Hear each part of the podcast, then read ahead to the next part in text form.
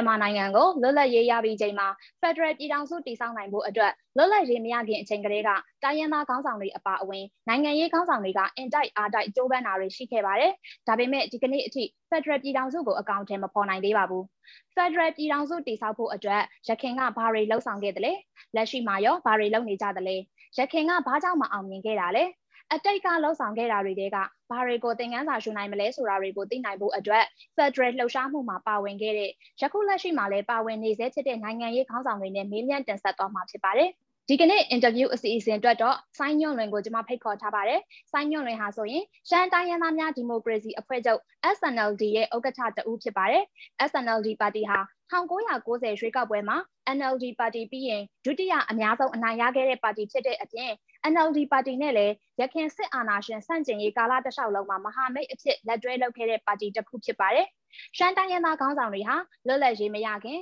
လွတ်လပ်ရေးရပြီးချိန်နဲ့စစ်အာဏာရှင်အုပ်ချုပ်နေတဲ့ကာလတစ်လျှောက်လုံးမှာ Federal တည်ဆောက်မှုအတွက်ဒီဇိုင်းမမတ်ကြိုးပမ်းခဲ့ကြသူတွေဖြစ်ပါတယ်ရှင်။ဟုတ်မင်္ဂလာပါဆိုင်ညုံလည်းရှင်။မင်္ဂလာပါဗျာ။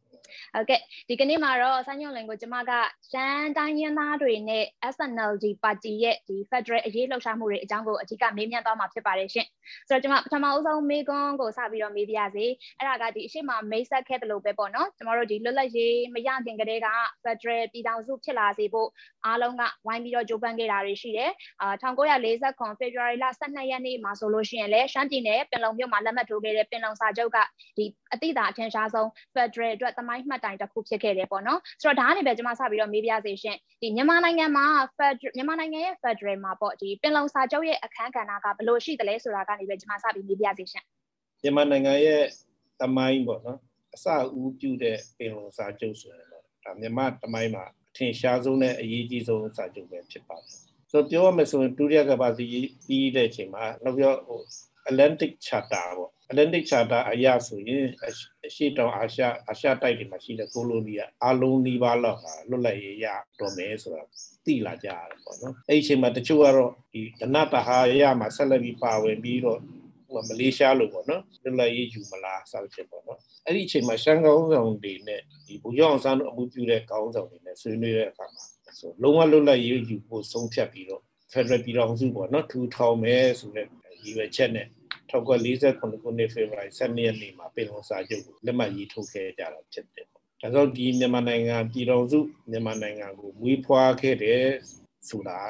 ပင်လုံစာချုပ်ကြောင့်ဖြစ်ခဲ့တယ်ပေါ့နော်။ပင်လုံစာချုပ်ရဲ့အရေးပါပုံကတော့မြန်မာပြည်ကိုပြည်တော်စုအနေနဲ့မွေးဖွားပေးလိုက်တယ်လို့ပြောရမှာပေါ့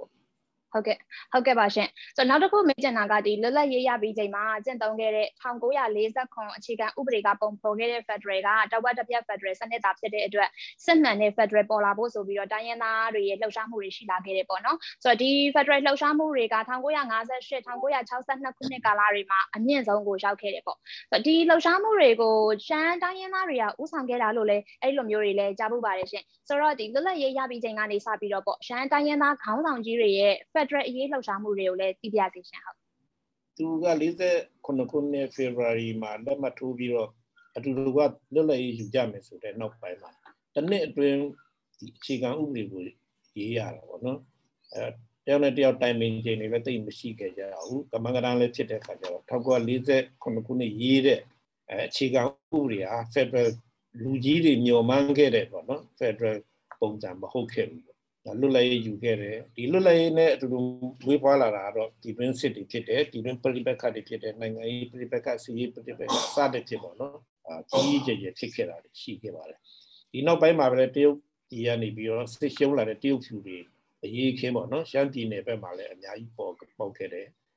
ဆိုတော့မြန်မာတပ်မတော်နဲ့တိုက်ပွဲတွေဖြစ်ခဲ့တယ်စသဖြင့်ပေါ့အဲ့လိုမျိုးရှုပ်ထွေးနေတဲ့ကာလတွေမှာနေရနေပြီးတော့ဖွဲ့စည်းပုံခြေခံမှုမှာပါတဲ့အတိုင်းပဲ 10နှစ်ပြည့်တဲ့ချိန်ကျရင်ဒီခွဲထွက်ခွင့်ကိုကျင့်သုံးနိုင်တယ်လို့ရေးထားတယ်ဆိုတော့အပင်မနေမှာမမရပြောနေတာတော့ရှမ်းကောင်းဆောင်တွေကတော့သူဟိုတည်င်းနေမှာရေးထားသလိုပေါ့နော်တကယ်မှတ်တမ်းမှတ်တိုင်မှတ်ရအနေမှာမရှိပါဘူးဆိုခွဲထွက်ဖို့တောင်းဆိုတာတွေမရှိခဲ့ဘူးခွဲထွက်ဖို့ပြင်ဆင်တယ်တွေမရှိခဲ့ဘူးသို့သို့တော်လည်းပဲဟိုဒါကအဲ့ဒီခွဲထွက်မယ်ဆိုတဲ့အကြောင်းပြချက်နဲ့62ခုနှစ်မှာဒါ စစ်တပ်ကအာဏာသိမ်းလိုက်ပါတယ်ဒီမှာအာဏာမသိမ်းခင်62ခုနှစ်မှာပြည်နယ်ပေါင်းစုံကခေါင်းတိုင်းနာခေါင်းဆောင်တွေဖိတ်ပြီးတော့တောင်ကြီးမှာဒီပြည်နယ်ပေါင်းစုံကြီးလာကလုပ်ပါတယ်အဲ့ဒီကနေမှရှမ်းပြည်ကြီးထားတဲ့ရှမ်းခေါင်းဆောင်တွေရေးထားတဲ့မူတွေကိုပြည်တော်စုမူအနေနဲ့ပေါ့နော်တိုင်းနာပေါင်းစုံပြည်နယ်ပေါင်းစုံမူအနေနဲ့သတ်မှတ်ပြီးတော့ပဋ္ဌဆအစိုးရကိုတောင်းဆိုခဲ့တာဖြစ်ပါတယ်ပဋ္ဌဆအစိုးရဘက်ကလည်းပဲဒီမတ်မတ်လာ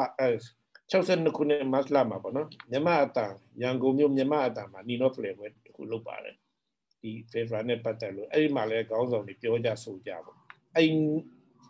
ညမှာပဲတမတော်ကနေပြောစစ်အာဏာသိမ်းလိုက်တယ်ပေါ့နော်အဲ့ကတည်းကစော်ဘွားတွေရှမ်းစော်ဘွားတွေနောက်ရှမ်းကောင်းဆောင်တွေအဲ့မှာ Federal တောင်းဆိုခဲ့တဲ့တောင်းဆိုတဲ့ဆိုတာကဆွေးနွေးခဲ့တဲ့ပုံကိုယ်ကြီးအလုံးဒီပါလောက်အဖမ်းခါပါတယ်ဆိုရင်တီဘောစော်ဘွားကြီးဆိုလည်း လမ်းမှာပျောက်သွားပြီးတော့ဒီနေ့အထိသူ့ရဲ့ရုပ်လောင်းကိုမရရှိသေးပါဘူးရှမ်းကောင်းကတယောက်ဖြစ်တဲ့ဒီ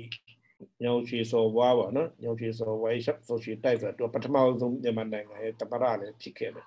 ဆိုလည်းပဲထောင်ထဲမှာပဲကွယ်လွန်ခဲ့ရပါတယ်အဲ့လိုပဲရှမ်းကောင်းဆောင်တွေတော်တော်များများအနစ်နာခံခဲ့ရတယ်ပေါ့နော်62ခုနှစ်ကနေအာဏာသိမ်းလိုက်တာ26နှစ်တိုင်တိုင်ဘာမှဆက်လုပ်လို့မရခဲ့ဘူး ဟုတ်ကဲ့ဟုတ်ကဲ့ပါရှင်ဒါကတော့ရှမ်းကောင်းဆောင်ကြီးတွေရဲ့သူတို့ရဲ့အားထုတ်မှုပေါ့နော်ဆိုတော့ကျွန်မအခုမေးချင်တာကကြတော့ဒီ1988ခုနှစ်မှာရှမ်းတိုင်းရင်းသားတွေရဲ့အကျိုးဟိုဆောင်ရွက်ဖို့အတွက်ဆိုပြီးတော့ဒီဒီမိုကရေစီစနစ်နဲ့အညီကျင့်သုံးတဲ့ Federal ပြည်ထောင်စုထူထောင်ရေးဆိုတဲ့မူဝါဒနဲ့ပေါ်ပေါက်လာတဲ့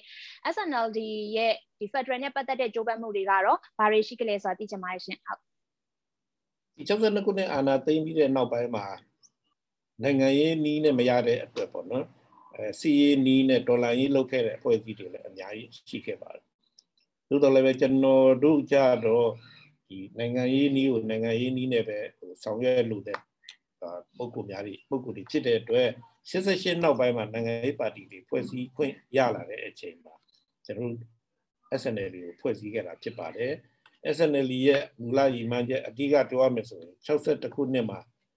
ပြည်နယ်ပေါင်းစုံကနေပြီးတော့တဘောတူထားတဲ့ Federal ပြည်တော်စုပုံစံမျိုးကိုကျွန်တော်တို့အခြေပြုပြီးတော့အခြေပြုပြီးဒီနေ့ထိကျွန်တော်တို့ဒီဆောင်ရွက်ခဲ့တာဖြစ်တယ်အဲအကောင့်ထဲဖော်နေအောင်ပေါ့နော်ကျူပန်းအားထုတ်ခဲ့တာဖြစ်ပါတယ်အဲ1990ပြည့်နှစ်ရွေးကောက်ပွဲမှာတော့ကျွန်တော်တို့ NLP ရင်ဒုတိယအများဆုံးရွေးချက်ခံရတဲ့ပါတီဖြစ်ခဲ့ပါတယ်သို့တော်လည်းပဲအဲ့ဒီတော့ရွေးချက်ခံရတဲ့လူတွေကို လွတ်တော်ခေါ်ယူခြင်းမရှိပါဘူးနော်ပြီးနေမှုဖန်ဆီးမှုတိတ်များများစားစားအများကြီးဖြစ်ခဲ့တယ်ပေါ့နော်အဲ့ဒီလူတွေကလည်းဒီနေ့ထိဘာမှဟိုရွေးချက်ခံခဲ့ရပြီပဲဘာမှဆောင်ရွက်နိုင်ခြင်းမရှိခဲ့ပါဘူး ဟုတ်ကဲ့ပါရှင်နောက်တစ်ခုသိချင်တာကဒီ1940ခွန်အခြေခံဥပဒေအရာပေါ့နော်ရှမ်းပြည်နယ်အတွက်ခွဲထွက်ခွင့်ကိုပြဋ္ဌာန်းထားတယ်ပေါ့ဒါပေမဲ့ရှမ်းတိုင်းရင်းသားခေါင်းဆောင်တွေကတော့အရှိမလဲဆိုင်းရုံလည်းပြောခဲ့သလိုပေါ့နော်ခွဲထွက်ဖို့ထက်ကိုစစ်မှန်တဲ့ Federal စနစ်ပေါ်ပေါက်ဖို့ကိုပို့လို့ကျင်တာလို့ကြားပူပါတယ်ရှင်ဆိုတော့ဒါကြောင့်မြန်မာနိုင်ငံက Federal ရဲ့ခွဲထွက်ခွင့်ရနဲ့ပတ်သက်လို့ပေါ့ရှမ်းတိုင်းရင်းသားတွေရဲ့နောက်ပြီးရင်ဒီ SNLD ပါတီရဲ့ဟိုသဘောထားကိုကျွန်မသိချင်ပါတယ်ရှင် အဲ့သတင်းစာတွေမှာတော့ဟိုစောင်းပါးတွေရေးတာတွေရောရှိရှင်ရှိမယ်ပေါ့လေနော်နောက်ပုဂ္ဂိုလ်တယောက်နှစ်ယောက်ပြောတာတွေလည်းဟိုရှိရှင်ရှိမယ်ပေါ့သို့တော်လည်းပဲအစုလိုက်အဖွဲ့လိုက်ပေါ့နော်ပါတီအလိုက်စသဖြင့်ခွဲထွက်ဖို့တောင်းဆိုတာမရှိခဲ့ပါဘူးမြမတမှာမြမတာနီနိုဖလေပွဲမှာပြောခဲ့တဲ့စကားတွေအကုန်လုံးပြန်ကြည့်ရင်လည်းခွဲထွက်ဖို့တောင်းဆိုတာမရှိခဲ့ပါဘူးတကယ်တကယ်ကျတော့ရှမ်းပြည်နယ်10နှစ်တာကာလကျော်မှာပေါ့နော်10နှစ်ကျော်ကျော်ပြည်တော်စုကာလမှာ ရှမ်းပြည်နယ်မြို့မကဘူးပြည်နယ်ဒီမှာနစ်နာခဲ့တဲ့တန်းတူညီမျှဖို့လိုတဲ့ကိစ္စတွေနော်ကကိုပိုင်ဆုံးဖြတ်ခွင့်ရှိဖို့ကိစ္စတွေနော်တရားစာရပွဲဝေရေးကိစ္စတွေနော်ဗန္နာရေးပွဲဝေရေးကိစ္စတွေနော်စသဖြင့်ပေါ့အဲ့ဒါတွေကိုတောင်းဆိုခဲ့တာဖြစ်တယ်ပေါ့နော်တကယ်တကယ်ကြတော့လေဟိုဒီ88မတိုင်မီအထိဆိုတေချာကြည့်လိုက်ရင်ဒီပြည်နယ်တွေမှာဘယ်ပြည်နယ်မှာစိတ်ယုံအလုံးယုံဆိုတာမရှိပါဘူးအရန်ကိုနည်းပါတယ် စိုက်ရုံလည်းရှိတယ်ဆိုတော့ဥမာရှမ်းပြည်နယ်မှာဆိုနမ်တူမှာရှိပါတယ်နမ်တူကကဘာပေါ်မှာအကြီးဆုံးတတ်တူတူကြီးဖြစ်တော့အဲစိုက်ရုံအလုပ်ရုံဖြစ်တာပေါ့လေနော်သူကဟိုလာခဲ့တဲ့စိုက်ရုံအလုပ်သမားတွေနဲ့အလုပ်လုပ်နိုင်တဲ့စိုက်ရုံအလုပ်ရုံမှန်သမျှတွေဒီမှမှာပဲရှိခဲ့တယ်နော်ဒီမှကလည်းဖွံ့ဖြိုးမှုဒါမြင့်မားလာတယ်ပြည်နယ်တွေမှာတော့တဖြည်းဖြည်းနဲ့ဖွံ့ဖြိုးမှုနှိမ်ကျသွားပြီးတော့နော်ဟိုမမျှမတတွေဖြစ်ဖြစ်ခဲ့တာပေါ့နော်ဥ မာကရားပြည်နယ်ဆိုလည်းတော်တော်လေးဟိုနှိမ်ကြပါတယ်စီးပွားရေးတွေပဲကြာပါတယ်နော်လွန်ခဲ့တဲ့ဘယ်နှစ်လောက်ကလုပ်တဲ့စစ်တမ်းအရာဆိုရခိုင်ဆိုလည်းပဲအရန်ကိုကြံနောက်ကြံခဲ့တာပေါ့အဲ့လိုပဲကြီးနေတဲ့နစ်နာမှုတွေကခင်ဗျားတို့မလုပ်ပေးနိုင်ကိုယ့်ဘာကိုကျွန်တော်တို့စူးစမ်းခြင်းပါတယ်ဆိုတဲ့ဘောပဲကိုယ့်ဘာကိုတီးရှားမဟုတ်စူးစမ်းခြင်းနဲ့ကိုယ့်ကြမှာကိုသူများဖန်တီးတာကိုမကြိုက်ဘူးနော်ကိုယ့်ကြမှာကိုကိုဖန်တီးခြင်းနဲ့ဆိုပြီးတော့ဒါစူးစမ်းခဲ့ကြတာလည်းဖြစ်ပါတယ် တကယ်တကယ်စစ်စစ်ပေါက်ပေါက်စဉ်းစားကြည့်မယ်ဆိုဒီလိုစူးစမ်းအားထုတ်မှုကနိုင်ငံရေးအရာစူးစမ်းမှုအားထုတ်မှုဖြစ်တဲ့အတွက်တရားမျှတတယ်လို့ပြောလို့ရပါတယ်။သို့တော်လည်းပဲစစ်အဲ့ဒီတော့စစ်ကောင်းဆောင်တွေကတော့ဒါကိုဟိုလက်မခံကြပါဘူး။ဟိုဟိုစရင်မသွင်းပေါ့နော်။နောက်ပြောပါတီစုံလည်းမဟုတ်တဲ့အခါကျတော့ဟိုတိတ်ပြီးတော့ကျွန်တော်ထိထိရောက်လုံးနေတာမရှိခဲ့ပါဘူး။အဲ့အဲ့လိုကိစ္စတွေကြောင့်လည်းပဲ လက်နက်ကင်တော်လိုင်းအဖွဲ့တွေအများကြီးပေါ်လာတာဖြစ်တယ်။လို့တော့ကျွန်တော်မြင်မိပါတယ်နော်။လက်နက်ကင်ဒေါ်လာရေးဆိုတာလွယ်တာမဟုတ်ဘူးလေနော်အဲတို့ကတို့အလိုရောက်ပေါ်ဖို့လည်းရှိပါဘူးခံစားချက်တွေနော်နောက်ပြီးတော့နစ်နာမှုတွေတိတ်များလာလို့ပြီးနေမှုတွေတိတ်များလာတဲ့ခါကျမှဟိုတတ်တဲ့ကိစ္စတွေဖြစ်တယ်အဲ့လိုမျိုးကျွန်တော်ရှင်းပြချင်ပါတယ်အဲ့ဒီအနေနဲ့တော့ခုနပြောလို့1960ခုနှစ်ပြည်နယ်ပေါင်းစုံညီလာခံကချမှတ်ထားတဲ့အခြေခံမှုတွေအခြေပြုပြီးတော့ 88နောက်ပိုင်းမှာကျွန်တော်တို့အကောင့်ထည့်ဖို့အောင်ကြိုးစားခဲ့ပါတယ်သို့တော်လည်းအားလုံးသိတဲ့အတိုင်းပဲ1988ကနေစလိုက်တဲ့ပြဿနာက2010ရောက်မှပဲရွေးကောက်ပွဲရောက်မှပဲပါတီစုံစနစ်ကိုပြန်လဲပြန်လဲရောက်တဲ့သဘောမျိုးပေါ့နော်ဒါတော့မှအတိအဝရောက်တာမဟုတ်ပါဘူးနော်တမတော်ဘက်က25ရာခိုင်နှုန်းနေရာတိုင်းမှာပါပြီးတော့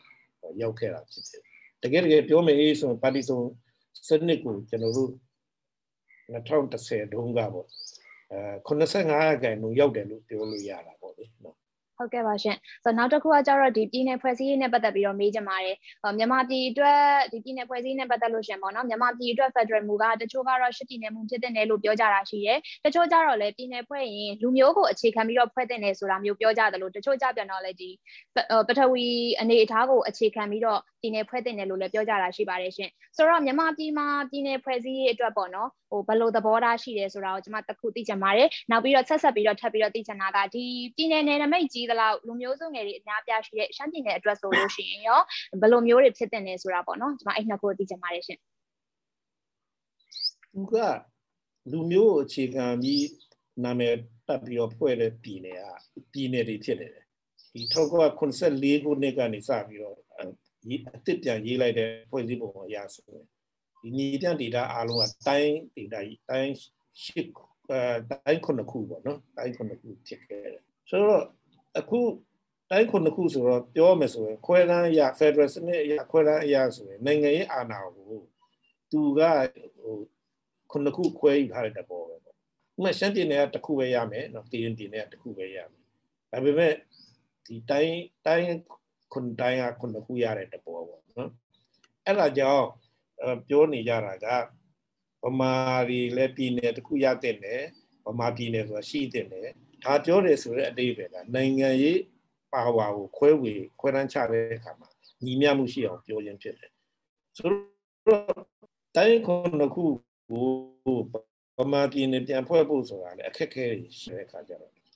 ပြည်နယ်ဖွဲ့စည်းတာတက်စားလို့ရှိရင်နော်နိုင်ငံရေးအာဏာခွဲဝေယူတဲ့အခါကျလို့ရှိရင်တိုင်းဒေသကြီးတွေကလည်းပဲ တခြားပြည်နယ်တွေပေါ့လူမျိုးစုနာမည်တွေသတ်မှတ်ထားတဲ့ပြည်နယ်တွေကဲ့သို့အရေးအတွက်တူတဲ့ခွဲတန်းကိုရတဲ့တယ်ဆိုတဲ့အယူဆပါဆိုဒီအယူဆကတော့တင်တော့တင်ပြကြတာပေါ့နော်ဒီအယူဆတွေရှိတယ်ဒီဟာကတရားမျှတမှုရှိတယ်ဒါမှပဲဟိုအဆင်ပြေမယ်စသဖြင့်ပြောခဲ့ကြတယ်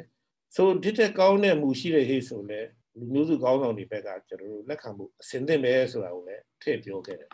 သို့တော်လည်းပဲဒီတက်ကောင်းတဲ့အခြေခံမှုတွေရှိတယ်ဆိုတာကိုမပြောဘူးထည့်မ ထည့်မပြောကြတော့ဘူးရှာလဲရှာနေလို့မရဘူးထင်တယ်ဒါကလည်းမသိသိဘူးတော့တိုင်းခုနှစ်တိုင်းပြည်နယ်တစ်ခုတည်းဖွဲ့ဖို့ဆိုတာလည်းကြီးလွန်းတယ်မဖြစ်ဘူးစသဖြင့်ပေါ့နော်အဲဟိုဘာခေါ်မလဲစန့်ကျင်ပြောဆိုမှုတွေလည်းရှိပါတယ်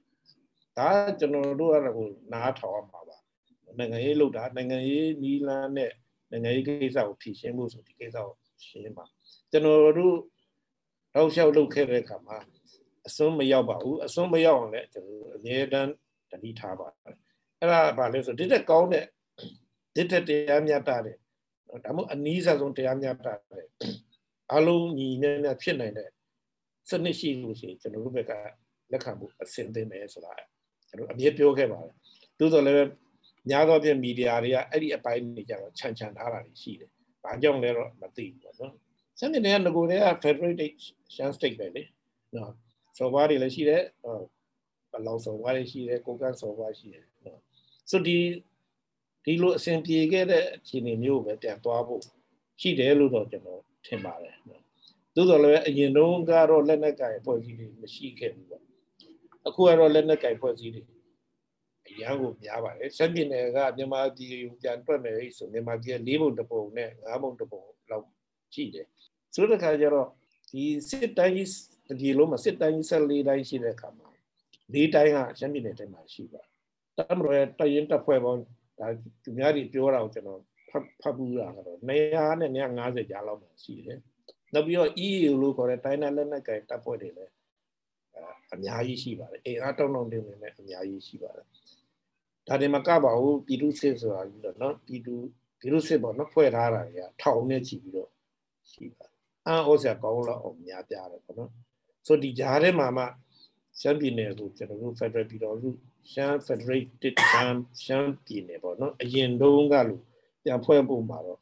အခက်အခဲတွေအများကြီးရှိတယ်ဆိုတော့ကျွန်တော်တို့သိပါတယ်သို့တော်လည်းပဲအခက်အခဲတွေရှိလို့ဒီတိုင်းပဲထိုင်နေမှာတော့မဟုတ်ပါဘူးကျွန်တော်ကြိုးစားမှာ ဟုတ်ကဲ့ဟုတ်ကဲ့ပါရှင်ဆိုတော့နောက်ထပ်အကြောင်းအရာတစ်ခုမေးချင်ပါတယ်အဲ့ဒါကဒီအနာဂတ်မှာ Federal ပြည်ထောင်စုပေါ်ပေါက်လာဖို့အတွက်အခုဆိုလို့ရှိရင် CRPH တို့ NUCC တို့ကနေပြီးတော့အဖွဲ့အစည်းအသီးသီးနဲ့ပြီးရင်ဒီလက်နက်ကိုင်အင်အားစုတွေနဲ့အားလုံးနဲ့ပေါ့နော်အတူတူ in type r type လှုပ်ဆောင်နေတာဒါအားလုံးသိတဲ့အတိုင်းပဲပေါ့ဆိုတော့ SNLD အနေနဲ့ရောဒီ NUCC တို့နဲ့အတူတူအနာဂတ် Federal ပြည်ထောင်စုကိုပေါ်ဆောင်ဖို့အတွက်ဆိုလို့ရှိရင်ပူးပေါင်းပါဝင်ဖို့ရှိပါသလားရှင်ဟုတ်88နောက်ပိုင်းပေါ့နော် 88ရှေ့ပိုင်းမှာလည်းပဲဟိုရှိခဲ့ကြပါလားသို့တော်လည်းပဲဟိုထင်ထင်ရှားပြောကြတာတော့88နောက်ပိုင်းမှာဒီဒီပကိုထွက်သွားတဲ့ UCG เนาะအစချင်းမှာဒီပရောက်အစိုးရဖွဲ့ပြီးနောက်ဆုံးမှာတော့ UNFC စသဖြင့်ပေါ့ဒီတပ်ပေါင်းစုတွေအဖွဲ့အစည်းပေါင်းစုံတွေကနေပြီးတော့ဒါလုတ်ခဲ့ရပြီးဖြစ်ပါတယ်အဲဆယ်စုနှစ်ချီပြီးလုတ်ခဲ့တာရှိတယ်ဖက်ဒရယ်ပြည်ထောင်စုအခြေခံမူနဲ့ပတ်သက်လို့လည်းဆယ်စုနှစ်မက လှုပ်ထားတာကြီးလူကြမ်းတွေလည်းရှိပါတယ်အခု NUC ရဲ့လုပ်မယ်ဆိုတော့ဆိုတဲ့ဆိုတော့ပေါ့နော်ဒါဝန်တာပါတယ်ဒါလည်းမူတစ်ခုပေါ့လေနော်ခုနကျွန်တော်ပြောခဲ့သလိုပဲအားလုံးနဲ့တင့်တော်တဲ့ဥစ္စာပူကောင်းတဲ့ဥစ္စာများဖြစ်မလားပေါ့နော်ဒါကတော့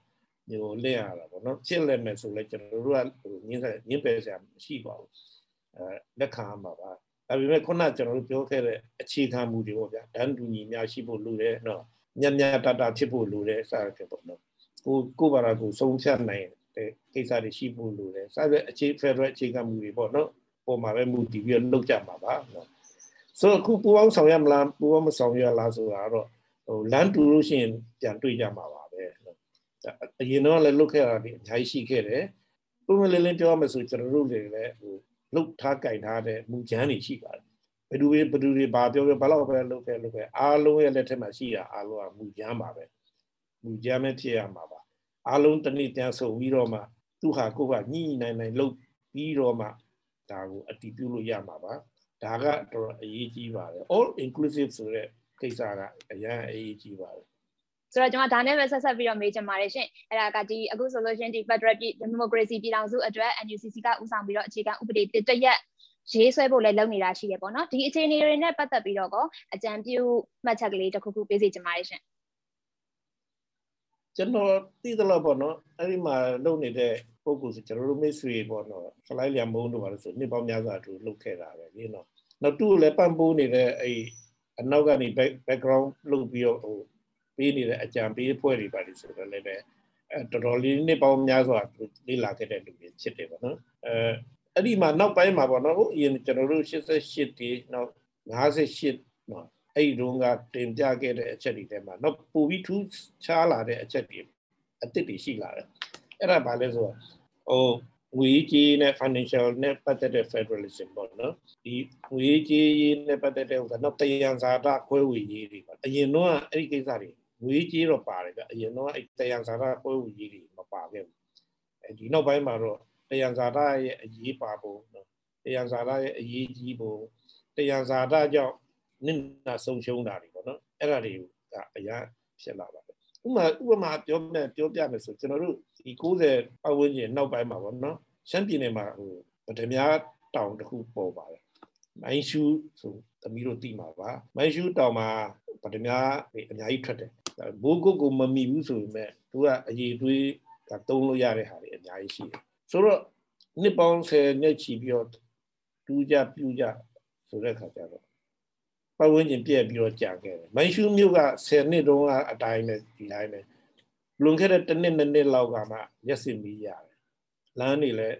မကောင်းခဲ့ဘူးဆိုတော့အဲ့လိုပေါ့တလောက်ပဒညာထွက်တဲ့တောင်ကြီးမှာနေနေတဲ့လူတွေဘာမှမရခဲ့ပဲနဲ့ဘာမှမဆိုင်တဲ့အဝေးရဲ့လူတွေကချမ်းသာသွားကြပြီတော့တကယ်တယံဇာရကိုပိုင်ဆိုင်တဲ့လူတွေက ဒေတာခံတွေကဘာမှမခံစားဘူးအဲ့ဒါတွေကအခုလာမဲ့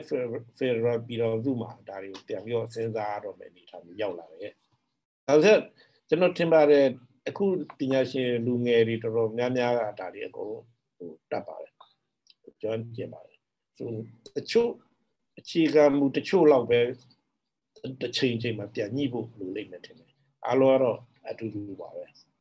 ဟုတ်ကဲ့ကျေးဇူးတင်ပါတယ်ရှင်ဆိုတော့ဒီကနေ့ကျမတို့ဆွေးနွေးခဲ့တဲ့အကြောင်းအရာတွေနဲ့ပတ်သက်ပြီးတော့ပေါ့နော်ဖြစ်စွာပြောချင်တာရှင်ပြောပြစီချင်ပါတယ်ဟုတ်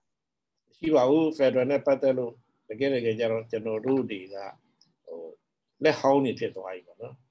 တခါတခါကျတော့လေမူလလက်ဟောင်းဆိုတော့အဖို့တန်ပါတယ်လေနော်ဒါပေမဲ့ခုနလိုမျိုးဟိုအစ်စ်အစ်စ်တွေကပို့ပြီးတော့ဟိုစမ်းတစ်တယ်နောက်ပြီးတော့တီထွင်နိုင်တယ်ပေါ့နော်